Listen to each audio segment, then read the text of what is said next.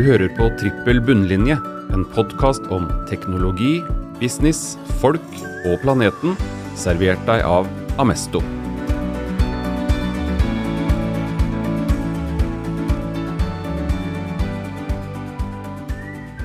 I dagens episode av Trippel bunnlinje skal det handle om AI, om kunstig intelligens, og vi skal rette blikket mot framtida. Dette er en episode jeg har gleda meg til, Linn, for dette er eh, fascinerende saker. Ja, det er det. Du vet at uh, det er ikke så lenge til du kan sette deg i bilen din og fly til din favorittrestaurant og spise 3D-printa biff. Ja, litt usikker på den 3D-printa biffen, men, uh, men taxiregninga hjem fra byen, den hadde vært deilig å slippe. ja, det kan bli høy kanskje, hvis du skal fly. Det må bli høye regninger på sånn. Uh, vi, eh, I dag skal vi snakke med Lars Rinnan om eh, framtida og om AI, eller kunstig intelligens, om chat-GPT, og om hvordan teknologi og kunstig intelligens kan spille en positiv rolle med tanke på trippel bunnlinje og mer bærekraftig business. Og Lars Rinnan er eh, AI-ekspert. Han er futurist, teknolog, investor. Han er en mye brukt foredragsholder i inn- og utland. Han er leder for Amesto NextBridge. Så han er en travel mann som er opptatt av hvordan teknologi kan løse de store problemene og skape en bedre verden. Hjertelig velkommen til oss, Lars. Takk for det. Takk for at jeg ble invitert. Du, sånn helt kort, den derre flyveturen til restauranten og 3D-printa biff, er det lenge til, eller? Nei, jeg tror ikke det er så veldig lenge til. Altså, Begge de teknologiene finnes allerede i dag. De er bare ikke veldig sånn bredt eh, kommersialisert ennå. Men eh, det, er, det, er, vel åtte forskjellige prosjekter rundt flyvende biler i dag. Eh, hvor du kjenner igjen navn som Porsche og Audi, som da samarbeider med flyselskaper. som kombinerer da sine respektive ekspertfelt. da. Så, så, dette får du jo snart. Og det, og det finnes jo faktisk allerede i Abu Dhabi.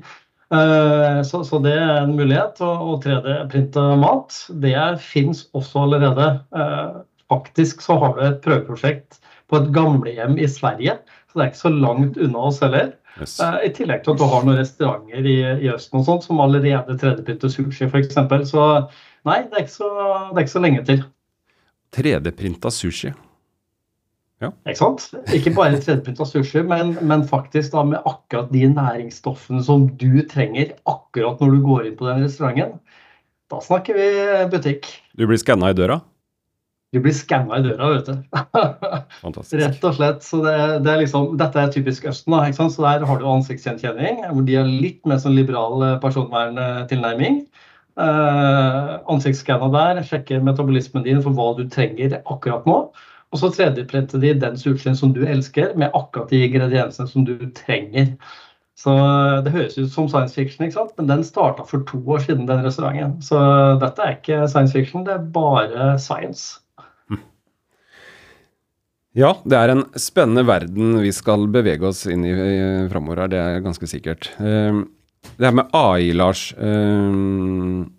AI har kanskje nå for mange blitt litt sånn er lik eh, chat-GPT. Eh, det er mye hype og mye som rører seg rundt eh, chat-GPT om dagen. Det rører seg ganske fort, og utviklinga går raskt. Kan det bli for mye chat-GPT? Jeg tror det korte svaret er ja, faktisk. Altså, det, det, er jo ingen tvil om at det er sinnssykt mye hype. Altså, jeg vet ikke om det er bare min tilpassa nyhetsfeed, men altså, den er jo 90 chat-GPT for tida. Uh, og, og det er fordeler og ulemper med det, syns jeg selv. da. Uh, ulempene er jo at det er mye sånn unyanserte synspunkt. Uh, det er mye sånn uh, fryktbasert synsing. kanskje spesielt under, eller i undervisningssektoren.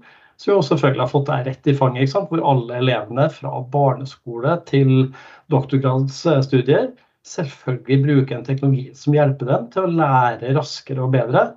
Mens uh, læringsinstitusjonene ikke helt har hengt med på liksom, hvordan kan vi faktisk bruke det her. Og, og liksom, reaksjonene har liksom variert fra nei, vi forbyr det, som jo er galskap, selvfølgelig, uh, til OK, vi uh, lar bare alle bruke akkurat det de vil, på hvordan måte de vil. Som nok kanskje også er bitte litt, bitte litt galskap. og hvor den altså riktige tilnærminga ligger et annet sted midt imellom der, da. Så, så det, det, er veldig mye sånn Det er mye støy i markedet, da. Og så er det liksom ingen tvil om at ChatGPT ikke, eller AI er ikke lik ChatGPT. AI er dramatisk mye mer enn bare ChatGPT, og har jo vært det i mange, mange år. Altså, vi har jo brukt, Alle bruker AI-løsninger. Du har brukt det i dag allerede, så har du brukt eh, garantert AI-løsninger.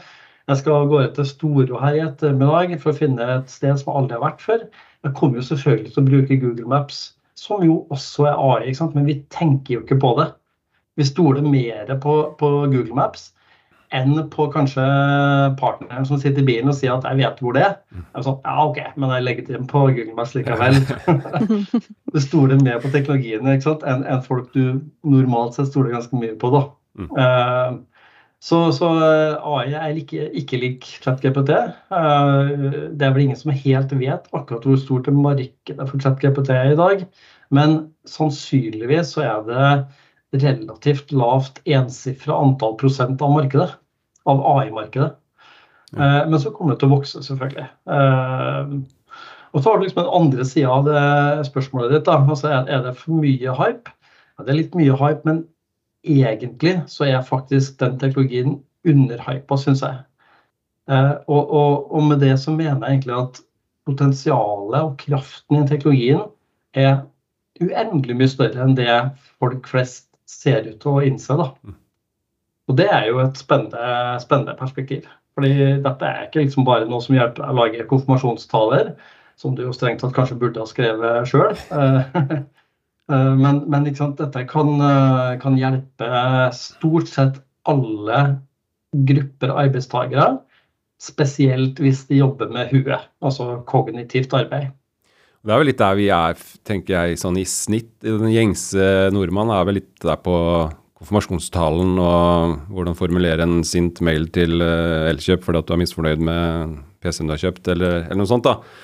Men uh, hvordan kan man ta i bruk AI da, for å jobbe mer effektivt, skape lønnsomhet for sitt selskap og, og bli mer bærekraftig?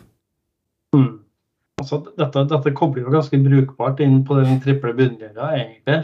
Uh, og hvis vi holder oss på det lille, snevre området med sånn generativ AI, da, som jo er liksom samlebetegnelsen på ChatGPT og disse bildegenereringstjenestene og kodegenereringstjenestene og ja, det er alt mulig kan genereres. ikke sant? Eh, så i og med at det, med at det kan altså alle oss da, som jobber med hodet, altså jobber kognitivt, vi vil i større eller mindre grad få hjelp av den type teknologi som gjør jobben vår raskere og bedre. Kanskje er det at vi får automatisert ting som vi syns er kjedelig. Kanskje er det at vi får gjort eh, enkelte ting raskere. Eller kanskje er det sånn at vi faktisk får bedre kvalitet uh, på det vi, det vi, faktisk gjør. Uh, og det er jo bra for uh, den enkelte person og enkelte arbeidstaker. For du får en bedre arbeidsdag. Du gjør mer av det du syns er spennende, og mindre av det du syns er kjedelig. Eh, og så jobber du raskere og bedre. Og det er også bra for, eh, for eh, den P-en som heter profitt. Så, så her, her, kobler du på i hvert fall to av de tre P-ene. og så scorer jo den type teknologi foreløpig veldig dårlig på planet-P-en. Fordi det bruker sinnssykt mye strøm. Fordi at disse store språkmodellene som ligger under den veldig veldig lettbente chat-GPT-løsninga, de er veldig krevende å trene. Så, så de bruker veldig mye strøm. Men der er det veldig mye forskning som foregår for tida nå. På både mer lettbente algoritmer, på å bruke annen type teknologi, bl.a. kvantecomputing, til å, å, i hvert fall ta noe av liksom, eh, det heavy lifting på, på treninga her. Og da begynner vi å snakke en helt annen type strømforbruk igjen. Uh, men det, det, er liksom det er bitte litt på forskning nå, og, og, vil kanskje treffe markedet sånn om 12-18 eh, måneder. Så akkurat nå så, så er det bra, på, bra, for mennesker, det er bra for eh, profitt, og det er ikke fullt så bra for planeten eh, akkurat nå. Mm. AI er jo som du sa mye mer enn ChatGPT. Um, når jeg tenker på AI, så tenker jeg vel først og fremst på altså Det har noe med data og analyse å gjøre. Uh, og så prediksjon, tenker jeg. Uh, og vi snakker jo om hvordan man kan bruke AI da, til å styre virksomheten sin etter, um, for å få vekst på trippel bunnlinje. Og når det handler om å styre, så tenker jeg jo på de personene som sitter i norske styrer i dag. Uh, vi har jo sagt ja til å prøve ut kjønnskvotering i selskapsstyrer fordi vi, altså utviklingen har gått treigt, så man har vel sagt ja til det nå. Um, hvordan kan man bruke AI i norske styrer for å uh, sant, predikere, finne ut av hvordan burde man styre den virksomheten her for å få vekst på, på alle de tre p-ene. Mm. Ja, det, er et, det, er et, strålende spørsmål, Linn. Jeg er veldig glad for at du stilte det. Jeg hadde en liten LinkedIn-post her i uh, forrige kveld tror jeg, om akkurat det her. Det skal jo inn 13 000 kvinner nå i norske styrer i små og mellomstore bedrifter. Uh, det er ganske mange. Uh, de skal nok jobbe hardt for å finne de. Og så tenker jeg det er fint, det er kanonbra at Norge går foran og viser verden på akkurat uh, på, på, på, kjønnsbalanse. Men så tenker jeg også hva annet er det som mangler i norske styrer i dag? Og hvor mange uh, folk som har sånn passelig god uh, innsikt da, i AI, sitter det i norske styrer i dag? Altså, jeg, jeg tror helt ærlig at norske styrer i dag mangler flere AI-eksperter enn de mangler kvinner. Og jeg mener ikke at det skal være en konkurranse mellom AI og kvinner, for det blir tåpelig. Du trenger begge deler, helt åpenbart. Kan det være samme ting òg? Det kan også være samme ting, men da tror jeg du gjør, da tror jeg du gjør det søket enda mye verre. Uh, selv om det selvfølgelig finnes noen, og jeg kan helt sikkert name-droppe i hvert fall 50 navn sånn uten å trekke pusten på kvinner med AI-kompetanse som burde kunne finne sin vei inn i styrer. Men, men, det stopper liksom etter de 50 for min del òg, som har holdt på i bransjen. Uh, så å finne 13 000 av de, det tror jeg skal bli litt, uh, litt vanskelig. Men så, så, ja, her, her, er det et, dette er et problemområde, tror jeg. Og, og trenger man liksom AI-kompetanse i styrer? Ja, det er klart det. Altså, hvis man har fått med seg noe av hva som har skjedd i det siste, og noe av konsensusen rundt omkring i media osv., så, videre, så er det jo at dette vil forme verden eh, på, på, kanskje mer fundamentale måter enn smarttelefonen eh, gjorde. Og det å da at du ikke har kompetanse på det i styret, det er jo galskap. Altså, en av styrets viktigste oppgaver er jo strategi. Ja, du har styring og kontroll, men det er liksom den kjedelige delen. Det må til, men det er den kjedelige delen av styret. Den spennende er jo strategi. Og, og, strategi, da må du ha med liksom de eh, teknologiene som påvirker hvordan verden kommer til å se ut, og markedet kommer til å se ut, og, og produktet kommer til å se ut i, i den kommende tida. Og det vil jo AI påvirke på alle mulige måter. Så, så det må jo selvfølgelig inn. Eh, AI kan gjøre eh, stort sett alle prosesser mer effektive. Det kan gjøre mennesker mer effektive. Eh, er lik lønnsomhet, er lik høyere medarbeidertilfredshet. Dette, dette vil påvirke alt som har med styring av et selskap å gjøre. Og da må kompetansen også være der. Og det er den ikke i dag. Hvordan bruker man AI på den strategibiten, da? Kan du gi noen eksempler på styrer som bruker AI for å, å styre, rette strategi? Altså, det, det, er jo ikke så mye selve strategiprosessen, tenker jeg. Det er mer at, at, AI må være en del av det som går inn i strategien din. Om, om strategien din at du skal øke lønnsomheten, vel, da tror jeg kanskje AI er den største bidragsyteren inn i det. Hvis strategien din er at du skal penetrere et nytt marked, så tror jeg AI vil gi deg den innsikten du trenger for å gjøre den penetrasjonen på en best mulig måte. Hvis du skal utvikle et nytt produkt, så tror jeg AI er det som kan hjelpe deg aller best på hvordan du får faktisk eh, ideen til produktet, utvikla produktet, alt som går rundt produktet med promotering og synliggjøring og, og kampanjer og alt mulig rart. Altså, alt dette er jo AI. Så, så jeg tror du kan ta nesten enhver sånn forretningsstrategi eh, på et eh, sånn type SMB-selskap i Norge. Og så kan du si at her vil AI påvirke den strategien på nesten alle områder. Og det at, det at det ikke skal være et tema, da, er jo for meg i hvert fall helt galskap. Tidligere, Lars, jeg har hørt deg i en podkast eller to. Du har vært innom år 2029 Uh, der er et eller annet som skjer. Uh, og litt sånn i lys av det du prater om nå, eller det vi snakker om, og, og fram mot det så det, så skal mye skje. Uh, og mange er jo liksom bekymra og tenker på egen jobb, f.eks. Hva skjer med meg som, som, driver med det eller det? kommer AI til å ta over mange jobber? ja og nei. jeg tror man må nyansere det. Og, og, det er også litt av problemet med i hvert fall deler av den debatten. Da. Det er sånn at noen sier bare ja, dette, dette er djevelen liksom, som kommer til å utrydde jobber og utrydde mennesker og ta over planeten. Og så har du de som er helt på andre enden. ikke sant? Og dette, dette vet, Hva er det motsatte av djevelen? Er det Gud? Et eller annet sånt. Uh, som bare liksom, Alt kommer bare til å bli rosenrødt og vakkert og sånt. Og sannsynligvis så ligger det liksom et eller annet sted imellom. Uh, og det, det gjør det i hvert fall når det gjelder det med, det med jobber. da. Altså hvis vi, hvis vi, holder egentlig den siste eh, ti måneder med utvikling på generativ AI utafor ligninga bare mm, 30 sekunder, så, så altså kall det tradisjonell AI, da, eh, vil eh, typisk eh, påvirke jobber som er repetitive. Eh, enten de er liksom manuelle og jobber med hendene, eller om de er kognitive, så jobber med huet. Det er liksom stort sett repetitive, hvor AI eh, tar over mye. Eh, Lagerarbeid, eh, vi har snakka om taxi, enten jeg går på bakken eller om jeg går i lufta. Alt, alt det der som er liksom enkle, repetitive jobber. Uh, regnskap? Uh, enkel, repetitiv, men kognitiv jobb tas over av, av AI. Men regnskapsførerne kan vri om og gjøre, bli rådgivere basert på kunnskapen sin. Eh, rundt økonomi. Men de, de, må da tenke nytt. Og det er ikke sånn, Noen er flinke til det, og noen er ikke så flinke til det.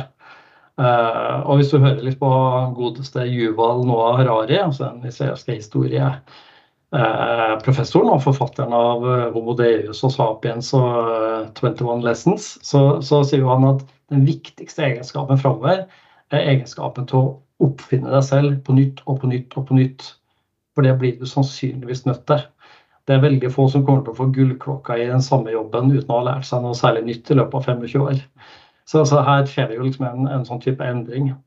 Eh, hvis du har liksom, eh, jobber som ikke er repetitive, men som er liksom, kall det gjerne kreativ problemløsning, da, som, som eh, jeg tror at i stor grad vi tre har, og sikkert veldig mange av lytterne på podkasten her òg, har den type jobb hvor du ikke gjør det samme hver dag, men du må faktisk finne nye løsninger på nye utfordringer eh, jevnt og trutt der har jo AI en helt annen rolle. ikke sant? Den vil ikke overta de jobbene, men den vil hjelpe deg å bli flinkere til å finne de løsningene. Uh, og, og, og, sånn har det vært. ikke sant? Så det har liksom vært et sånt skille mellom repetitiv og ikke-repetitiv. Uh, så kommer jo, kom jo, generativ AI, da.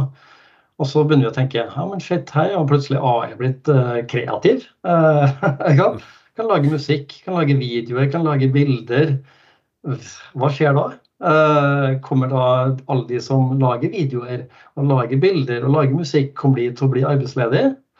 Uh, og, og, og, mitt svar er igjen litt sånn uh, nyansert. Jeg tror noen faktisk kommer til å måtte tenke at de må gjøre noe annet. Men da er du kanskje liksom på den enkle siden av skalaen. da. Altså, Hvis du lager jingles til reklamer på, på radio, det tror jeg ikke det er så mange som kommer til å betale spesielt mye penger for framover. Altså, for det er jo pisseenkelt ikke sant, å lage. og så har du jo selvfølgelig eksempler på AI har lagd uh, Drake-låter, ikke sant, så hvor uh, 400 000 av fansene hans ikke har hørt forskjell på det han selv har laga, og det en hacker har laga med hjelp av AI. Så det forteller også litt om det bildet, men jeg tror nok både Drake og andre artister den, eh, den, det formatet der, de kommer til å ha jobb framover. Så det vil være litt nyansert. Eh, ikke sant? Dally 2, Dally 3, Midjourney, Stable Fusion kommer jo ikke til å gjøre at seriøse, flinke kunstnere ikke har jobb. Men jeg tror det kommer til å gjøre til at de der som hoppe av en eller annen jobb og skal realisere seg selv som en eller annen uh, maler med noen pastellfarger og noe elg i solnedgang. Det tror jeg Jeg tror det er litt kroken på døra for de. Men hva, hva er det med uh, år 2029 spesielt? Ja, 2029, vet du. Det er året sitt. Og, og, poenget med det, det, året er jo egentlig at hvis man tenker at Moores lov, som jo sier at, at altså prosesseringshastigheten dobles hver 18. måned, det har den gjort sant, siden, siden 60-tallet. Og det ser ut til at den kommer til å fortsette. Så hvis det fortsetter, så vil du i 2029 da vil en enkel, sånn billig PC, som, som, vi alle sammen sitter på her nå, som du kan kjøpe liksom på Elkjøp for, eh, for 10 000 kroner, den vil ha den samme prosesseringshastigheten som vår menneskelige hjerne. Det forandrer jo ganske mye. ikke sant? Det betyr at alt det vi mennesker kan gjøre kognitivt, det kan da en sånn eh, billig PC gjøre pga. AI. Eh, så, så det er et vendepunkt eh, det der året 2029. Eh, alt tyder på at vi fremdeles styrer inn mot det. Eh, det eneste jeg ser på horisonten som kan gjøre at det ikke blir 2029, det er at kvantecomputing blir allment tilgjengelig på et fornuftig prisnivå før den tid. For da, kommer, da, da blir det ikke 2029, men da blir det kanskje 2027 i stedet. fordi det kommer til å endre masse jeg tror ikke at det kommer til å bli forskjøvet ut i 2030, faktisk. Hva er kort kvantecomputing? Eh, ja, går det an å si det kort, tro? altså kvantecomputing uh, skiller seg fra vanlig computing. Da. Altså vanlig computing, da har du to tilstander. Du har null og én. Ikke sant? Det er de to binære tilstandene som finnes. I kvantecomputing så har du 0 og 1, pluss at den kan være begge deler samtidig. Eh, og dette er jo litt krevende for nøtta til de fleste av oss til å liksom helt forstå. Eh, men dette er jo det kvantefysikere har holdt på med i mange mange, mange tiår. sant? primært teoretisk. Litt sånn som AI var på når det starta i 55. ikke sant? Veldig teoretisk. Mm. Og så ble det liksom eh, praktisk anvendbart for rundt 15 år siden. Eh, AI, da. Kvantecomputing eh, er jo i ferd med å gå liksom fra primærteori til en hel del praktiske use cases. Og det fins allerede ganske fascinerende use på det. Men da er det liksom gjerne i et laboratorium med noe hardware eh, som koster fantastillioner. Og hvor du, hvor du eh, kjøler ned hele systemet til liksom det absolutte nullpunkt. Eh, så, så dette, er jo, dette, er jo, krevende. Dette er ikke noe du har i, uh, i, i mobiltelefonen din riktig, riktig enda. Men, men, det kommer. Så det er superspennende teknologi, altså. Men uh, AI og ChatGPT, som vi har vært litt innom, hva, hva annet, uh, hvilke andre typer spennende teknologier er på vei inn i våre liv? Er det noe annet uh, som rører seg? Ja, altså, og det er også et kjempegodt spørsmål. fordi at uh, Du får jo inntrykk liksom, av at ikke bare AI er lik ChatGPT, men liksom, teknologi er lik ChatGPT. Mm. Det finnes jo haugevis med annen spennende teknologi som også utvikler seg eksponentielt, som følger Moores lov. Eh, med dobling hver 18. måned. Eh, vi, vi, var jo kjapt innom 3D-printing her i, i stad. Eh, og det, det, er også en sånn teknologi. 3D-printing er 34 år gammelt. Så det har liksom fra det starta i en garasje i California, som alt annet, så har det liksom utvikla seg til at nå 3D-printer vi mat. Vi 3D-printer kroppsdeler, vi 3D-printer biler, bildeler og vi 3D-printer hus. Så dette raser jo av gårde vet du, i en vanvittig hastighet. Eh, og det samme gjør jo sant, mange andre teknologier, med materialteknologi, med nanoteknologi, med biotek. Så det, det, skjer utrolig mye spennende rundt uh, alle de andre teknologiene nå. Og, og, det mest fascinerende med det er at dette uh, hva heter det? Altså det, Disse teknologiene konvergerer jo, som det heter så flott. Også de, de hjelper hverandre. Så 3D-printing uten AI-styring blir litt sånn tøyste. Uh, biotek uten AI-styring blir også litt, uh, litt, krevende å få til. Så må disse teknologiene går sammen for at det skal bli liksom enda mer anvendbart. Da. Eh, så, så det, det, er definitivt mange mange teknologier her nå som følger samme utviklingstrekket. Og så, så er kanskje AI en, sånn, en sånn muliggjørende teknologi som ligger, ligger, under da, eller bak en par av de andre. Jeg tenker at vi skal begynne å gå inn for, eh, for landing her. Det har vært superspennende å høre på deg. Um, men sånn avslutningsvis, da. Hvilke tips vil du gi til de som hører på, som tenker at liksom, nei, men vi må få opp egen AI-kompetanse, og vi skal kanskje begynne å tenke på å få AI inn i styret.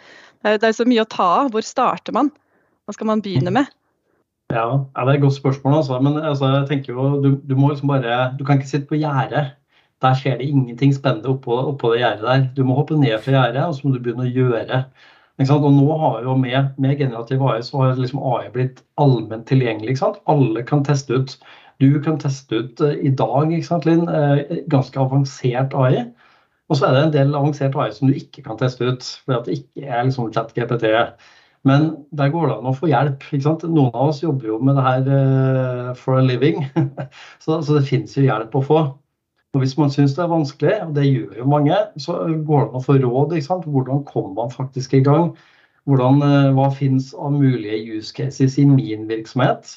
Jeg har ennå ikke vært innom en eneste bransje som ikke har hatt nytte av å få uh, enten litt eller veldig mye AI-støtte som kan gjøre virksomheten bedre, mer profitabel, med mer fornøyde medarbeidere, mer fornøyde kunder. Eh, og hvis du i tillegg da også kan klare å gjøre planeten bitte litt bedre, da, så har du jo den der triple bunnlinja som, eh, som, vi snakka om. Eh, og her, her, er det masse, masse, masse muligheter. Altså AI er det jeg stoler aller mest på når det gjelder liksom bærekraft og det også at vi skal ha en bra planet å bo på også i morgen og neste år og om ti år. Det er ikke sikkert at det bør koste en million kroner heller, eller? Nei, ikke sant? Nå er det, altså, Før gjorde jo det, hvis vi skal være helt sant? Så, så Kall det tradisjonell AI. da. Hvis du skal kjøre noen sånn dyp, eh, dyplæringsalgoritmer osv. i en litt stor virksomhet, så, så, tar det litt tid og koster litt penger. Men det er likevel lønnsomt. Det kan være mange tusen prosent return on investment. Mens generativ AI der har jo de store produsentene av disse språkmodellene de har gjort jobben. De har gjort jobben for oss. De har gjort liksom det tunge løftet. Laga den store språkmodellen som har kosta milliarder. Og så kan vi lage små løsninger på toppen av de. ikke sant? Fintune den store språkmodellen. Og det tar ja, fra, fra noen uker til et par måneder. Selv for store selskaper. Så er man liksom i mål med, med å ha kanskje omforma hele måten HR-avdelinga jobber på. Da. Og Det er jo ganske fascinerende. Det er ikke noen grunn til å vente. Ingen grunn til å vente. Skal vi summere opp med det og takke deg, Lars, for at du stilte opp. Det var uh, fascinerende å høre på igjen. Takk Linn? for det. Det var veldig hyggelig å være her. Jeg elsker jo å prate om det her, selvfølgelig. kan nok hende vi må ha en del to senere, for det her, den verden går fort bare å si ifra. Jeg blir gjerne med på det. Bra. Skal vi si takk for oss, Linn? Yes, det gjør vi. Takk for nå. Herlig. Takk for at du hørte på. Takk for nå.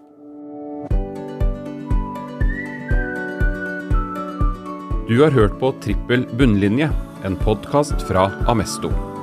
Har du spørsmål til denne episoden eller ønsker dialog med oss, send oss en e-post til trippelbunnlinje at amesto.no.